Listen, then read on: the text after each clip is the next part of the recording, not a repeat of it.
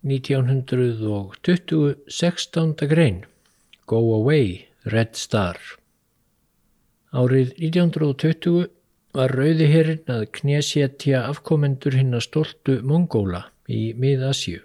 Sumir muna þá atbyrði betur en aðrir eins og ég komst reyndar sjálfur að raunum fyrir ekkit svo mörgum árum.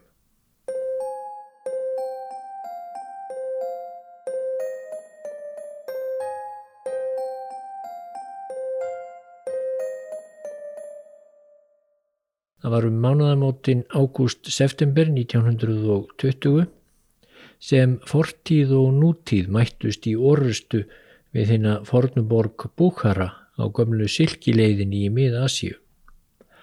Búkara reys upp úr gróðurlítilli mörg nánast í miðri mið-Asíu og umhverfis borgina var enn gríðarlegur múr að hætti miðaldaborga. Tíu metrar á hæðvaran og fimm metrar á þygt. Uppi á borgarmúrunum stóðu stríðsmenn í litklæðum með turbana undir skrautlegum veifum og gunnfánum með hálfmána Íslams blaktandi og sveifluðu bjúksverðum sínum og skóku spjót og gerðu hæðnisleg hróp að umsátursmönnum sem komnir voru um langan veg til að leggja undir sig borgina. Umsátursmenn, þeir voru bara í döflitum grófgerðum hermannabúningum 20. aldar og hvergin er eins tilkomumiklir og stríðsmennir uppi á múrunum. En þeir hafðu nútíma vopn, þeir voru girtir bissubeltum, þeir báru ríðskotarifla, stórar vélbissur, fallbissur, þeir hafðu nokkra skriðdreka og brinnvarða bíla til afnota. Farartæki sem gáttu ekið allarleið upp að borgarmúrunum og komið fyrir sprengjum og spjót stríðsmannana uppi á múrnum hrukku bara af þeim og gamlir framhlaðningar verjandana og úrelda riffilprygg unnu heldur ekkert á þessu nútíma stríðstóli. Og í loftinu svifu flugvélar uppreysnarmanna og vörpuðu sprengjum. Flestir verjandana höfðu kynu sinni séð flugvél áður en umsátrið hófst og umsátursmenn þeir höfðu í fórum sínum eiturgas ef ekki tækist að vinna borgina öðruvísi. Yfir þeirra herbúðum blakti bara einn fáni einn fáni með rauðri stjörnu. En þrátt fyrir auksæja yfirburði umsátursmanna þá ætlaði seint að gangað yfirbuga þessa miðalda borg, þessa öldnu múra. Stórskotarhýðin vann förðu lítið á múrunum og tilraunir til að brjótast yfir þá mistókust hver af annari. Eftir harða hríð þann 31. ágúst 1920 sagði yfirfóringi umsátursmanna Mikael Frunse hermanlegur maður, skarpur til augnana, sannfærður kommunisti, hann sagði ef þetta tekst áfram svona óhönduglega hjá okkur þá vinnum við aldrei þessa borg. Stríðsmenninir á múrunum fögnuðu, veifuðu sverðunum sínum og skutu úr bissuræplum sínum upp í loftið. Fortíðin virtist full færum að standa upp í hárinu á samtíðinni. En það mála sannast að fortíð búkara var svo sannarlega ekkert til að skammast sín fyrir. Sléttur miðasíu kunnaði verðast hrjóstrugar og gróðurlittlar en þær hafa samt gengt gríðarlega mikilvægu hlutverki í sögu bæði Evrópu og Asíu. Strax fyrir þúsundum ára bjökuðar og fóru um harðsnúnar hyrðingjathjóðir sem gáttu átt til að hefja útrás í ímsar áttir til Kína, til Indlands, til Miðausturlanda, til Evrópu.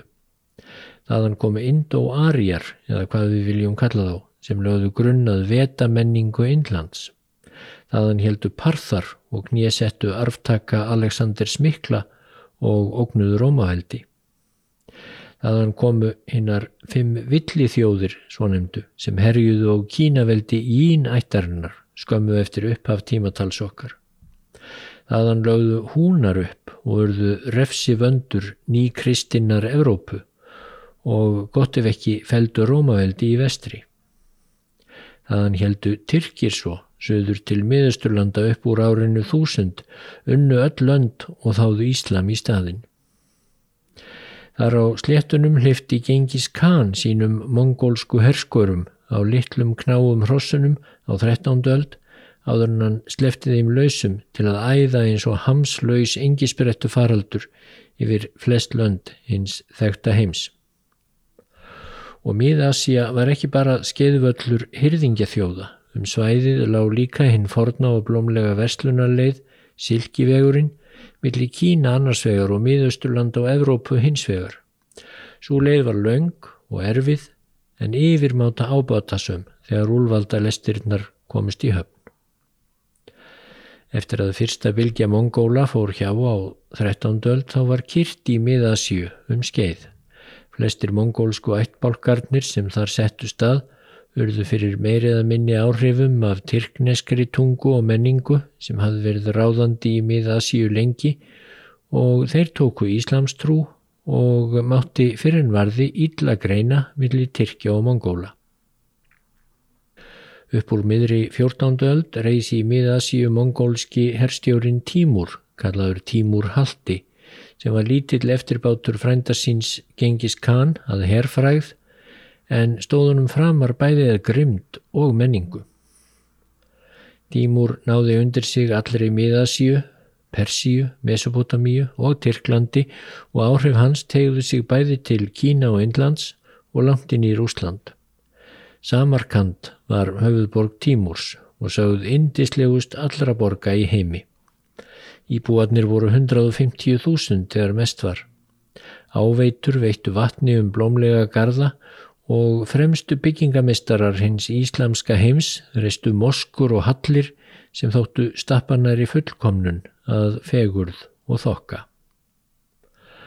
Búkara var þá næstmest borga í ríki Tímúrs. Hún var þá þegar æfa gömul. Alexander Mikli hafi komið þar við árið 329 fyrir Krist í einni af fáum tilraunum siðmenningarinnar svokulluðu til að siða hyrðingjana á sléttunni. En nú brá svo við að Búkara hafi lengi verið siðmenningin uppmáluð. Þar var miðstöð háþróaðra vísinda og bókmenta og tímur bætti um betur á því sviði. Herskáir hyrðingjar Þeir voru nú orðnir fágaðir borgarbúar, margir hverjir, og mið-Asía varð miðstöð íslamskrar dulspeki lengi vel til dæmis.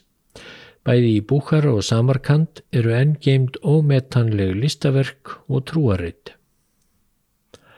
En Tímúr vissi líka að gæfan er hverful og það var því um þetta leiti sem múratnir miklu voru ristir og tristir um hverfis Búkara. Á 16. öld þá fóru að Hallundan fætti og smátt og smátt mistu arftakar tímúrs öll héruð úr höndum sér nema miða síu sjálfa. Þegar ekki bar slengur herfang og þaðan af síður skattar úr fjarlægum slóðum þá fór ríkidæmi miðasíu að minga. Síðasti landvinningamadur miðasíu var Babur, sonar, sonar, sonur Tímurs. Óvígur herr hans brunaði reittum sverðum söður yfir fjöll til Indlands þar sem Babur stopnaði voldugt ríki Mógúla og kom aldrei til miða síu framar. Kvikurhefingar sögunar mjökuðu svo miða síu æg lengra frá miðpunkti heimsins. Landafundir og siglingar um heimshöfin ollu því að enginn þörf var á silkileiðinni lengur. Eðimerkur rík lagðist yfir fornar slóðir. Rétt fyrir miðja 16. öld færði ný valda ætt af persnesku kyni höfuðstöðvar sínar frá Samarkand til Búkara. Þar spratt síðan upp svo nefnt emirdæmi Búkara og réði mest allri miða Asíu lengi en nokkur smerri fyrstadæmi réðu afgangnum. Þróttur miðasíu manna til landvinninga var þá úr sögunni. Miðasíja var ekki lengur í þjóðbraut. Hún gerðist afskekt og luppaleg. Atvinnuhættir stöðnuðu, ekki var fylst með framförum. Emírar töldu sig enn verðuga arftaka tímúrs og annara sigurvegara, en ef mongólskur eða tyrkneskur rossakall steg framar á hest og byrtist veifandi bjúksverði eða með öra á strengi í öðrum löndum, þá var hann bara skotin á færi. Stórveldin í nákrenninu sóttu þó ekki að ráði inn í miðasíu fyrir en russar komin til sögunar í byrjun 19. aldar. Rómanov keisarandir ráku markvissa útenslu stefnu suður á bógin og vildu spyrna fæti við brettum sem voru að hreyðra um sig í Afganistan. Sömulegis leittist rússum ránsferðir búharamanna og nágranna inn á lendur þeirra. Árið 1868 höfðu rússar náð stórum svæðum miðasíu þar á meðal Samarkand en þeir lefðu hinnum mongólskættaða emir í Búkara að halda slatta af landsvæði og þokkalegri sjálfsvirðingu sem leppur rússakeisara næstu áratugina. Er fyrir heimstyrjöldin braust út 1914 varð vart við vaksandi óróa og þeim landsvæðum miðasíu sem rússar réðu. Þegar rússar kvöttu miðasíumenn í herin 1916 brutust út uppþótt og er keisarastjórninu var hrundið frá völdum 1917 þá var líst yfir stopnun sjálfstæðis ríkis í Ferganadalnum fagra og umhverfi hans. Kommunistar undir fórestu Lenins náðu svo völdum í Rúslandi hausti 1917.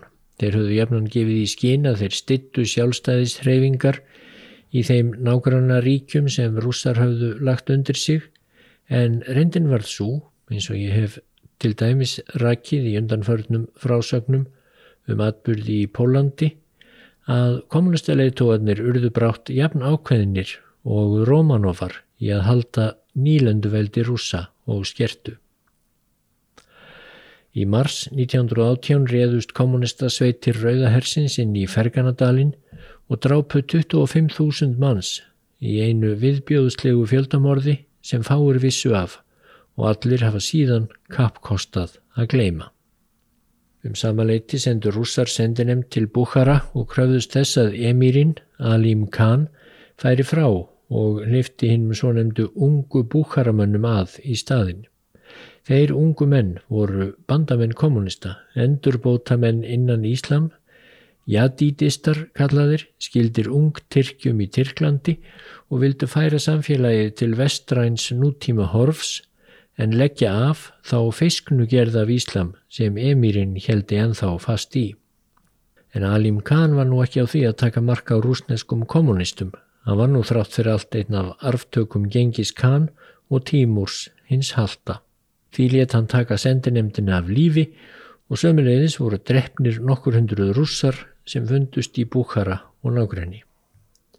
Stjórn Lenins í Moskvu var það láta sér þetta lenda um skeið því um þetta leiti fór rauði herin Halloka á öllum vikstöðum í borgarastríðinu sem var þá að brjótast út í Rúslandi. Alim Khan fekk tækifæri til að sperra sig í Búkara í tvö ár enn.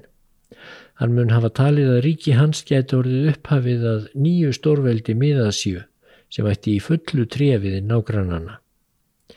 Ekki hýrtan þó um að nútímavæða hersinn heldur treystan á múrana góðu kringum búkara og velbrinda korða ef rússar gerðu árás. Hinn glæsta fortíð miðasíu myndi sigrast á uppskapningum nútímans. Og vissulega var útlitt fyrir það fyrst eftir að hinn rauði herr Frunses byrtislóks í miðasíu. Einmitt um þetta leitu um mánaðamótin ágúst-september 1920 þá var Pilsútski að reka flótta rauðahersins sem hafði færst ómikið í fangi í Pólandi og um tíma horfi heldur ekki vanlega fyrir rúsum við Búkara.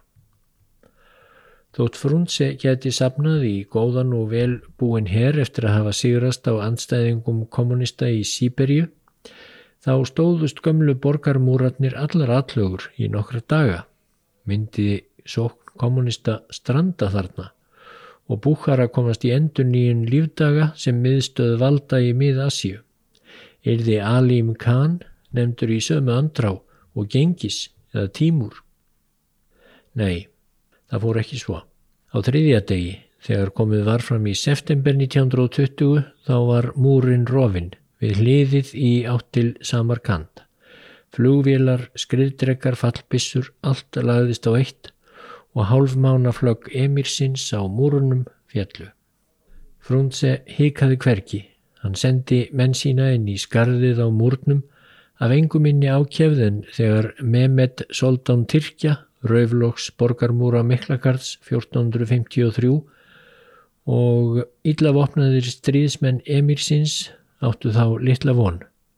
Frúndse snýri hnípnum í sári afkomenda hinn að stoltu hestamanna sléttunar með því að senda ryttaralið sitt inn í borgina þar sem rússar síndu að rauði herin kunni líka að halda fast í tauma og blóðga sverð. Öll ansbyrna var brátt að baki. Emirinn sjálfur kom stundan á sínum fótkvatasta hesti og dó aldarfjörðungi síðar í útlegð í Afganistan. Mið Asia kvarf öll inn á yfirráðasvæði Lenins, síðar Stalins. Nýlendustefna kommunismans reyndist enn harkalegri en nýlendustefna keisarans. Þetta fornfræga svæði kvarf svo langt inn í drunga veröld Sovjetríkjana að þegar ég var að alast upp kringum 1970 eða þarum bil þá átti ég mér draumum að komast til Samarkand og Bukhara en vissi þó um leið að sá draumur myndi aldrei rættast því þangað austur fjekk enginn að fara. Það sá ég best þegar ég var einu sinni í Prag meðan kaldastríðið stóð enþá yfir og var að skoða gullgötuna í Kastalaborginni. Þetta var um páskana 1988 og inn í gullgötuna kom ferðamannahópur bersýnilega frá miðasíu, lágvaksnir kallar þungbúnir allir í ílasniðinum grábrúnum jakkaföttum. Engin litklæði í það sinn. Þeir voru undir ströngu eftirliti nokkur að farastjóra að kyni stórrúsa sem höfðu vakandi auga með að þessir afkomendur gengis og tímúrs heldu sér á mottunni. Á kaffihúsi þar í grend tókst mér samt að gefa mig á tal við eittlera og þótt tungumála örðuleikar væru algerir náði ég samt einhvern veginn að gefa til kynna að ég hefði alltaf hrifist af hugmyndinni um hennar góðu borg Samarkand. Miðasíu maðurinn leitt snögt í kringum sig til að aðgeta hvort farastjórarnir væri nokkuð að horfa á hann einmitt á stundina en þeir voru að panta kaffi fyrir hópin sinn. Þá dreif maðurinn eldsnögt barmerki úr jakkabóðungi sínum og stakk í lofa mér. Ég leitt á merkið. Það var gilt og raukt og á því stóð eitt orð, Samarkand. Og maðurinn hallaði sér að mér og kvíslaði í flíti, In Samarkand no kommunisti. Svo leitt hann undan og þóttist verið að spjalla við félaga sína þegar einna russin kom aðvífandi tortrikinn á svip. En því miður var þetta rangt hjá manninum. Í Samarkand voru sannarlega kommunistar og þeir réðu og höfðu ráðið síðan 1920 og múrar kommunismans myndu aldrei hrinja, tröstir og þykir eins og borgarmúrarnir frægu í Búkara. En það var nefnilega það, jafnvel múra kommunismans var hægt að rjúfa. Árið 2011 voru ótrúlegt nokk heil 20 ár síðan miðasíja losnaði undan yfiráðum rúsa og þá var ég á vappi um Búkara sem nú tilherði sjálfstæðu ríki Úsbygistans og gekkum moskur og markaði í miðjum draumi sem hafði ræst, nýkominn frá Samarkand. Ég var með gráa handtösku þægilega með stóri rauðri stjörnu. Þetta var svo taska sem ég hafði ferðast með þegar ég fór til útlanda í tvo áratögi á undan. Hún hafði þjónað mér vel undir myndavélar og ýmislegt smálegt. Nefna hvað, þar sem ég gekk á milli glæsilegra bygginga í fallegu hverfi í Búkara Þá sá ég allt í einu hvar ung stúlka, ekki nema svona tvítug, steitti að mér nefan yfir göttuna og rópaði eitthvað ílskulega til mín. Ég namn staður og kváði og þótt hún talaði ekki nema örlítið í ennsku þá skildi ég fljótlega af hverju henni var svona uppsigað við mig. Fortíðin var enn á ferðinni í Búhara því það var taskan mín sem olli gremju stúlkunar, stjarnan sem príti töskuna rauðastjarnan. Red Star, Red Star, Red Army, hvæsti stúlkan. Go away, Red Star, go away, Red Army, go away.